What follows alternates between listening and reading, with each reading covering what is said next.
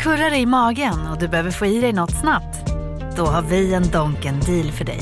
En chicken burger med McFeast-sås och krispig sallad för bara 15 spänn. Varmt välkommen till McDonalds. Makrorådet presenteras i samarbete med Lendify.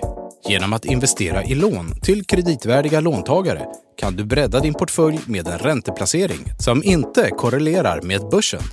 Den genomsnittliga årsavkastningen de senaste 12 månaderna har varit cirka 6% efter kreditförluster och avgifter. Lendify har tillstånd från Finansinspektionen och några av landets främsta institutioner och entreprenörer som investerare. Läs mer på lendify.se. Hej och välkommen till Makrorådet, podden där vi pratar om de stora ekonomiska frågorna. Jag heter Viktor Munkhammar. Med mig idag har jag Anna Öster, investeringschef på Länsförsäkringar och Olof Manner, analyschef på Swedbank välkomna hit båda Tackar, tackar. Ja, härligt. Eh, innan vi börjar ska jag säga att det är eftermiddagen onsdagen den 26 september när vi står här och pratar och det rör på sig så smått där ute. Vi ska prata om oljepriset eh, eh som eh, många andra också pratar om. Vi ska prata om kronan faktiskt och så blir det spaningar och veckans viktigaste. Eh, men jag tänkte att vi helt kort i alla fall kunde börja med att eh, notera att marknadsräntorna har dragit iväg ganska ordentligt senaste månaden. Vi har en Amerikanska tioårsräntan har varit uppe, upp över 3,10 faktiskt, högsta nivån sedan 2011. Och även i Sverige och Tyskland så har, har det stuckit iväg ordentligt senaste tiden.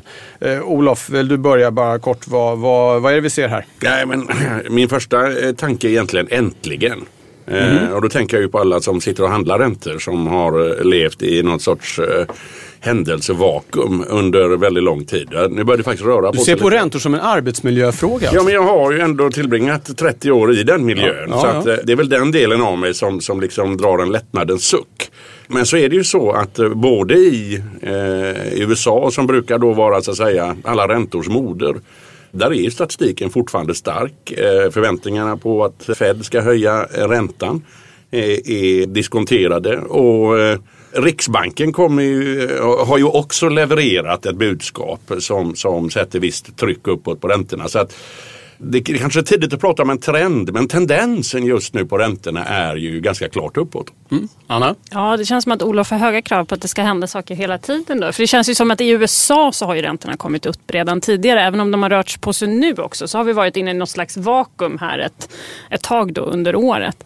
Eh, och nu har vi sett positiv statistik från USA igen som har liksom dragit på det här ytterligare en gång. Och sen så, men framförallt det stora, så som jag ser det, är ju ändå att signalerna från Riksbanken är väldigt mycket tydligare än tidigare. Så att det, för Sverige kan jag hålla med att där kan vi ju säga äntligen då, ja. verkligen på räntesidan. Mm. All right. Och det är centralbankerna som kommer Det är centralbankerna och då var vi ju inne på det här med Fed och förväntningar där och där har vi ju besked redan ikväll lite grann i vilken ja. riktning vart vi ska. Precis, det kommer ju, vi står ju som sagt onsdag eftermiddag om några Eller timmar. Eller igår beroende på när man lyssnar på det här fantastiska programmet. Precis, ja. men för oss här och nu så är det ju så att Fed förväntas höja ikväll ikväll. Och det alla undrar är, i vanlig ordning, är ju hur kommer de signalera om, om framtiden? Och det är mycket möjligt som sagt att eh, flera av er som lyssnar redan har eh, facit när det gäller det här. Det har inte vi.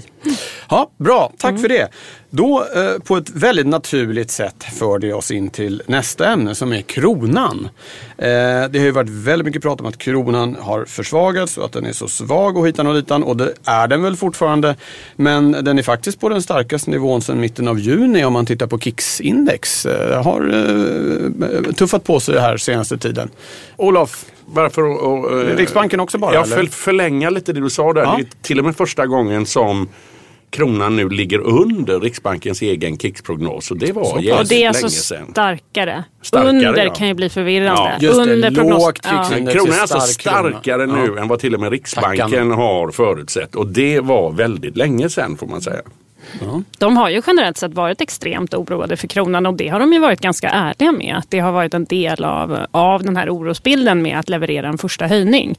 Och det får vi väl se hur, hur robust de håller i den här kommunikationen som de nu säger med Eh, december eller februari. Men jag tycker ändå att de, dels så har de ju skruvat upp retoriken i och med att det blir 25 punkters höjning när de kommer att agera.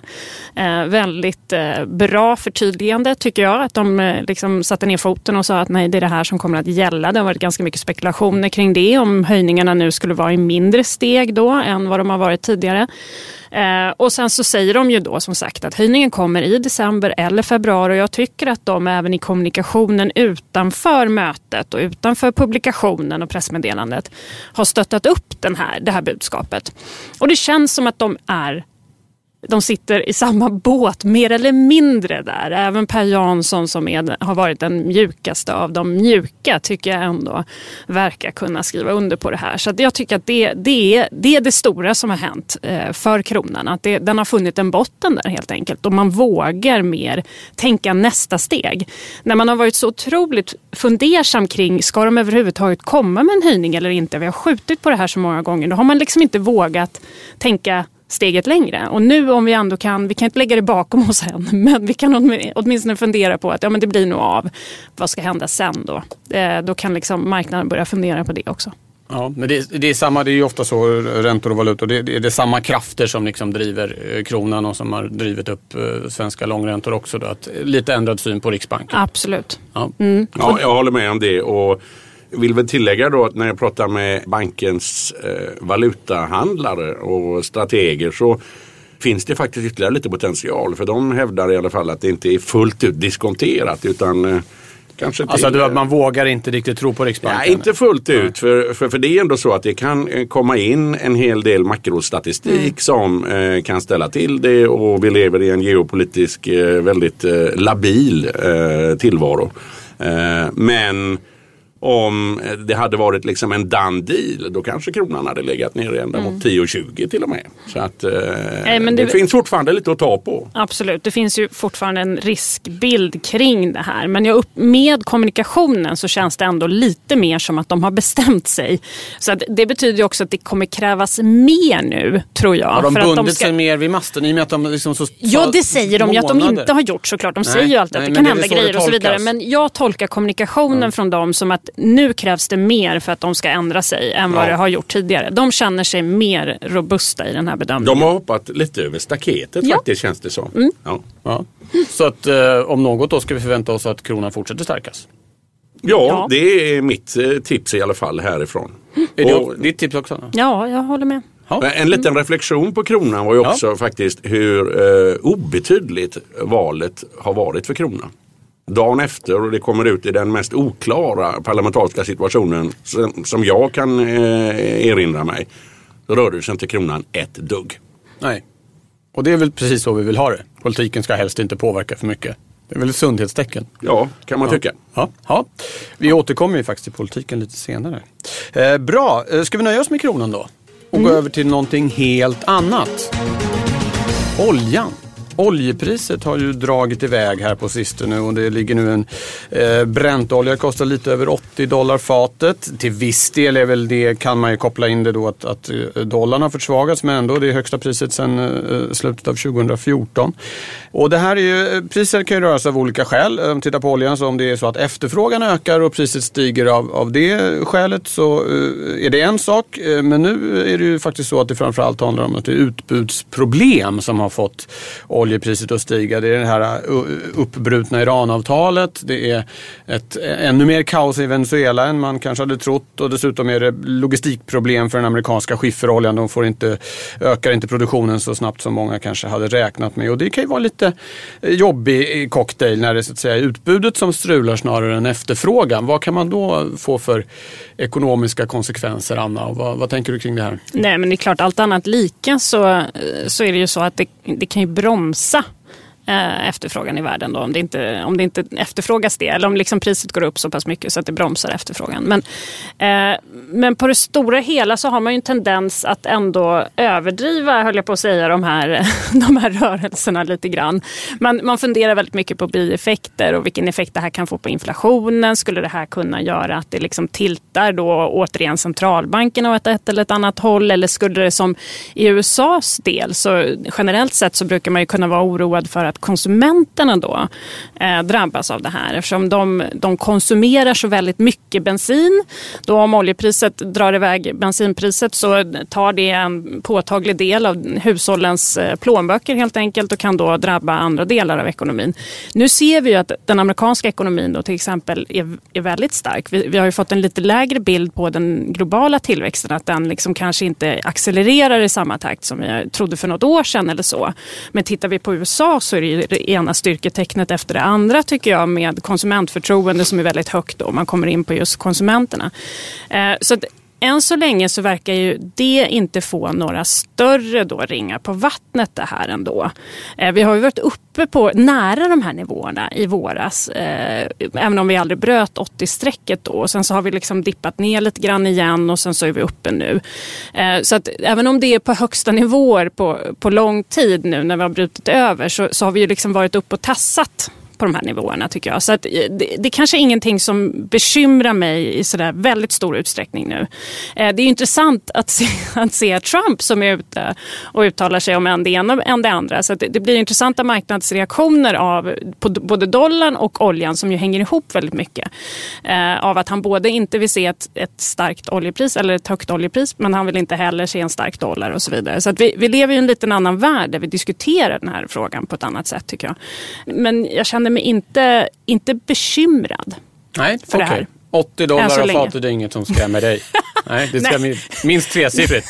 Eller? Nej, jag, jag, jag, skulle säga så här att säga nivå på oljan, nej det tror jag, det, det har många gått snett på tidigare, just ja. nivån. Mm. Okej. Okay. Ja. Olof, dina tankar? Ja, eh, ni har ju tagit eh, och diskuterat eh, det mesta, men jag har två tillägg i alla fall. Eh, det ena är ju att vi är överens om att det är väldigt svårt att göra prognoser på oljan. Men om den nu skulle gå upp och det finns ju gott om prognosmakare nu som just är inne på tresiffrigt, eh, 100 dollar per fat beroende på de här utbudseffekterna. Men ju högre oljan är en bit in i nästa år ju mindre kommer ju de här baseffekterna att påverka svensk inflation. För där hade man ju förut, eh, förutsett då att det som eh, tryckte upp inflationen, det vill säga högre energipriser för ett år sedan när de faller ur så att säga så, så ska ju då inflationen falla tillbaka. Men om nu en, eh, oljepriser och energipriser ligger högre än vad man har räknat med då blir ju heller inte fallet i löpande KPI-talen lika stort. Och det tycker jag är värt att notera. Eh, det andra är ju också eh, det faktum att, eh, du var inne på det här Viktor, att eh, det finns eh, logistiska problem eh, i den amerikanska shalegas oljefältet där i Permium och allt vad det heter. Man ska också komma ihåg att OPEC och eh, OPEC plus 10 som man idag pratar om då, det vill säga Ryssland och en del andra oljeproducerande nationer som inte tillhör OPEC. De visar ju en väldigt stringent sammanhållning. De eh, vill ju inte heller att priset ska komma upp på en nivå där den amerikanska shalegasen börjar vrida på kranarna igen. Eh, vilket den gör per automatik om oljepriset blir för högt.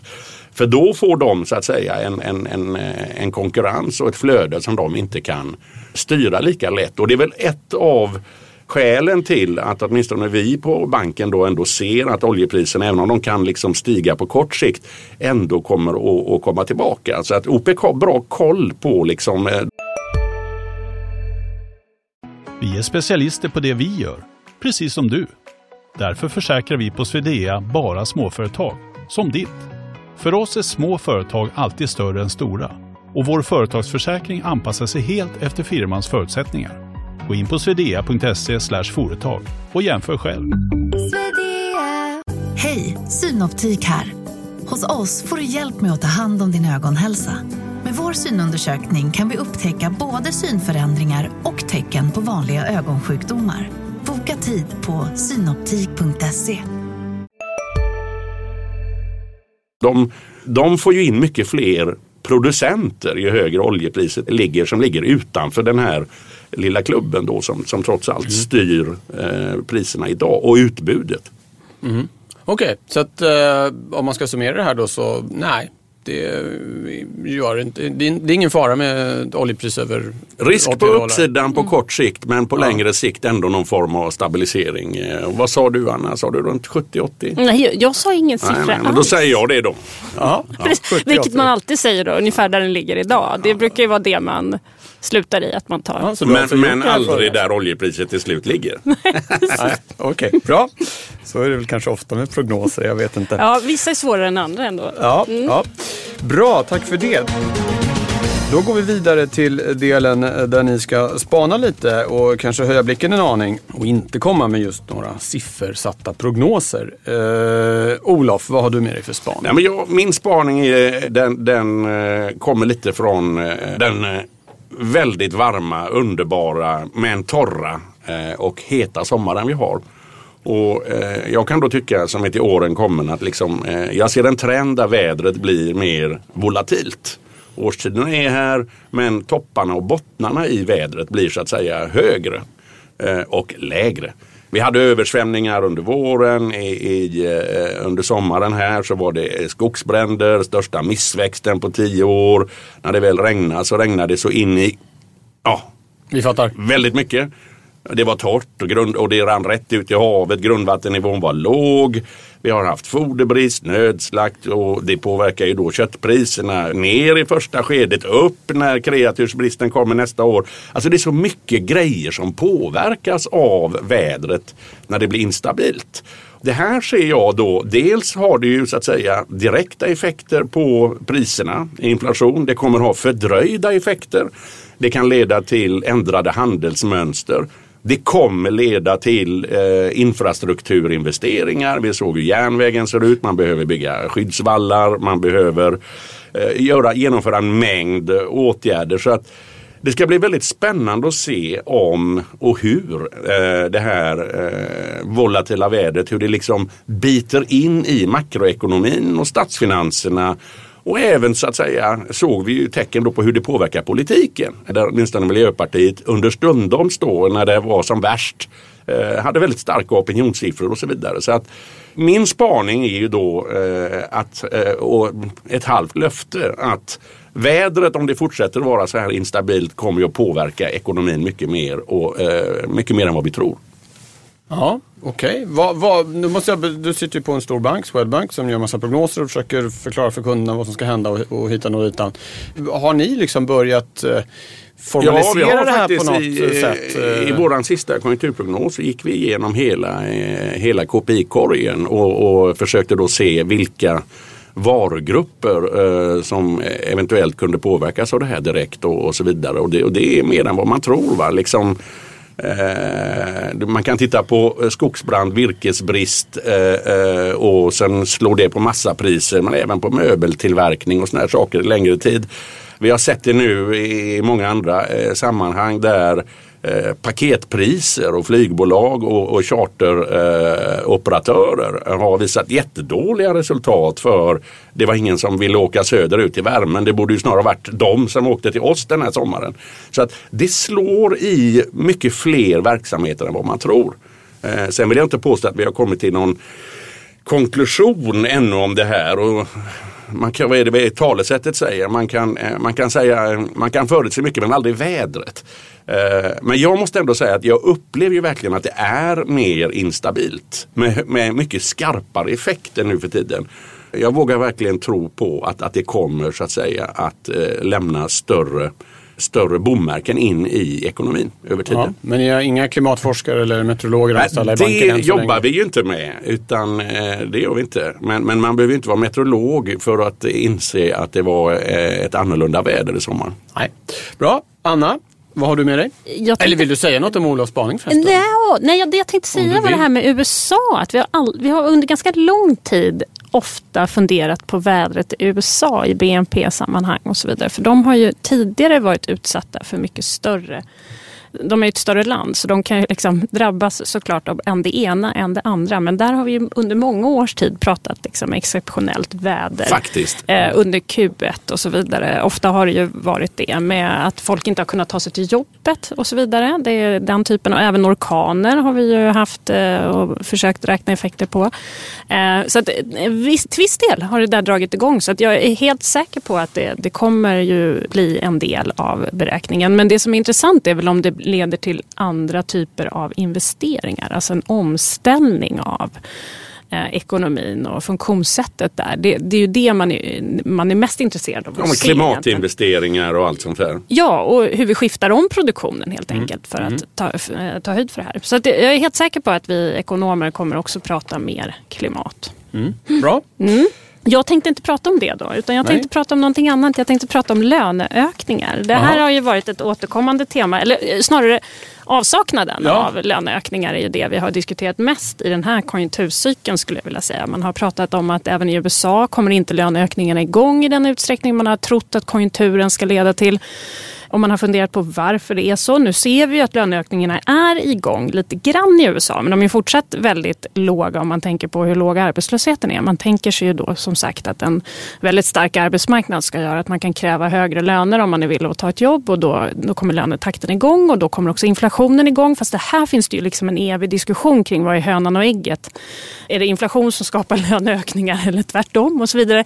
Jag tänker mig att man åtminstone kan eh, konstatera att de är beroende av varandra. Vi har liksom ett svårt läge i Sverige och det diskuteras mycket att ha en inflation kring målet om vi inte får upp lönetakten lite mer än vad vi har idag. Vi har ju kommit överens om ganska låga löneökningstakter i de här övergripande avtalen. Och vi ser också att löneökningstakten är låg. Den är jag tror att under första halvåret ungefär 2,5 procent i Sverige. Vi har tickat upp från 2,4 procent förra året. Det är fortfarande väldigt modest. I förra högkonjunkturen var vi uppe kring 4 procent i löneökningstakt. Och nu har det faktiskt kommit en del djupdykningar kring det här. Både eh, Riksbanken tittar i någon ekonomisk kommentar kring eh, lite en närbesläktad fråga kring det här huruvida det är så att att man fortfarande får mer betalt om man byter jobb och kan man särskilja vad som är liksom vad. Och då verkar det som att man får fortfarande lika mycket löneökning om man byter jobb. Så det är de som är kvar på samma jobb som liksom står för den här låga löneökningstakten. Vi har haft lönebildningsrapport från Konjunkturinstitutet som också konstaterar en massa liksom strukturella faktorer för varför vi kommer att ha lägre löneökningstakt framåt och varför vi har haft det helt enkelt. Eh, och det intressanta i det här tycker jag är, vad ska vi egentligen tänka när vi blickar framåt? Det, det är en tendens att man liksom, när alla är på bollen kring att nu finns det en massa strukturella krafter som gör att vi inte kommer ha så höga löner till eh, tal framåt. Det är då man kan tänka sig att man kanske missar de där konjunkturella signalerna ändå. Så det kanske är på gång upp nu ändå. Så det, mm. det är väl ändå lite min spaning att jag tror att man får inte stilla...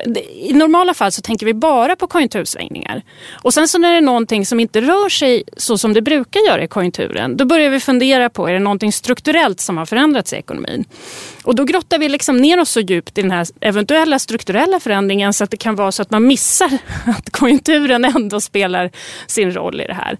Eh, så jag tänker just när vi blickar framåt som alltid, även vad det gäller lönerna nu, att ha, boll, eller liksom ha ögonen både på de strukturella krafterna som såklart sätter någon typ av begränsning, men ändå titta på vad konjunkturen sätter för, för liksom fäste i det här. Så att, ja, jag tror nog ändå att liksom, det kanske är nu det kommer och jag tycker att man ser tendenser i USA på att det är på gång. Eh, så nu har vi pratat väldigt mycket inflation upp. För vi har pratat oljepris, vi har pratat att räntorna tar höjd för det här lite grann, är på gång upp. Eh, lönerna kanske också är på gång upp, så att vem vet. Det är kanske det vi ser framför oss nu. Allt går upp? ja, eller ja. ja. Ja, av de sakerna. Av de sakerna. Ja, Olof, någon, Nej, någon tanke äh, kring äh, löneökningar? Nej, bara äh, göra kopplingen då med om, om nu inflationen börjar krypa uppåt och Riksbanken känner sig trygg med det så kan det faktiskt också ha en påverkan på lönerna. För Exakt. det finns väldigt många avtal som var då så att säga eh, var kopplat, är kopplade till inflationen. Och när inflationsförväntningarna ligger tryckt på målet, Riksbanken säger att vi har en inflation på målet. Ja då blir det ju så att säga, då finns det ett argument faktiskt för att eh, prisjustera lönerna också. Så att det, det kan ju bli ett eh, löneökningar kan så att säga föda sig själv lite ur den här tron på att inflationen nu äntligen kommer tillbaka till Riksbankens mål. Ja, Bra. Eh, Anna, vad är veckans viktigaste? Ja, vi har ju redan värld? pratat om Fed ikväll då. Den Just är ju det. snart avklarad men ja. det är svårt att inte nämna den. Men ja. annars så känns det ju som att det är politiktungt. Eh, ja. Vi har ju precis hört att Labour säger att det kan bli en ny folkomröstning om Brexit och nu har ju Tories då också sin partikongress inom kort här. Så det kommer säkert bli en hel del rubriker kring det. Det känns väl i och för sig som att det kommer ni kunna använda varje makrorådet eftersom det drar ihop ja. sig sig Fram- i fram till 29 mars i alla Brexit-samtalen så känns det som Ja. att det kommer vara liksom Brexit-fokus oavsett vilken vecka man Ja. väljer. Eh, Men, men det är väl ett, ett exempel på någonting som kan vara något man ska hålla ögonen på i närtid. Eh, Vi har en italiensk budget på gång också tror jag. Så att det kan också vara utifrån ett politiskt perspektiv, någonting att spana på. Mm. Okej, bra. Vi håller koll på politiken. Och Olof, du var också med. Ja, men jag får väl hoppa in på, eh, på den lokala politiken då. Och även om så att säga det inte har några eh, direkta ekonomiska konsekvenser ännu så länge så är ju faktiskt talmannen utsedd och är nu utsläpp ur hängnet och kan börja göra sitt jobb och, och, och kanske kan vi då så att säga komma närmare en eventuell regeringskonstellation.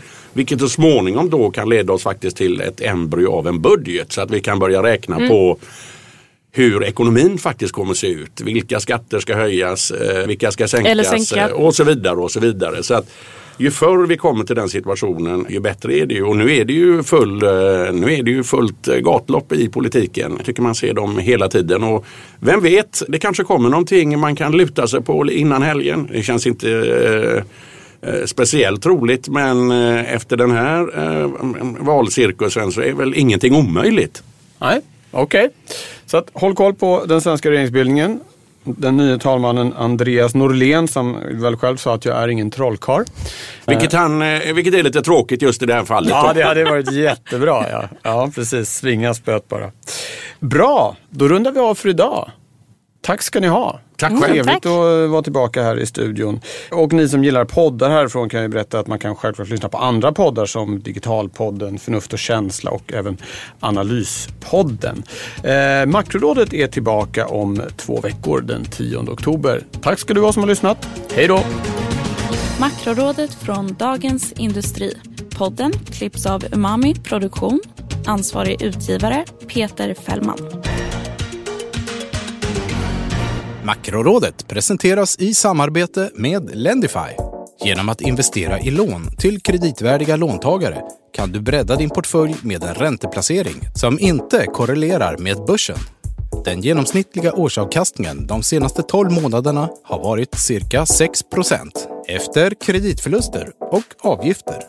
Lendify har tillstånd från Finansinspektionen och några av landets främsta institutioner och entreprenörer som investerare. Läs mer på lendify.se.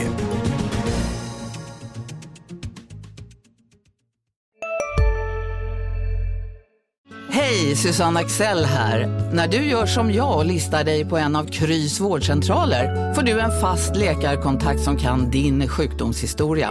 Du får träffa erfarna specialister, tillgång till lättakuten och så kan du chatta med vårdpersonalen. Så gör ditt viktigaste val idag, lista dig hos Kry. Ni är med om det största. Och det största är den minsta. Ni minns de första ögonblicken. Och den där blicken gör er starkare. Så starka att ni är ömtåliga.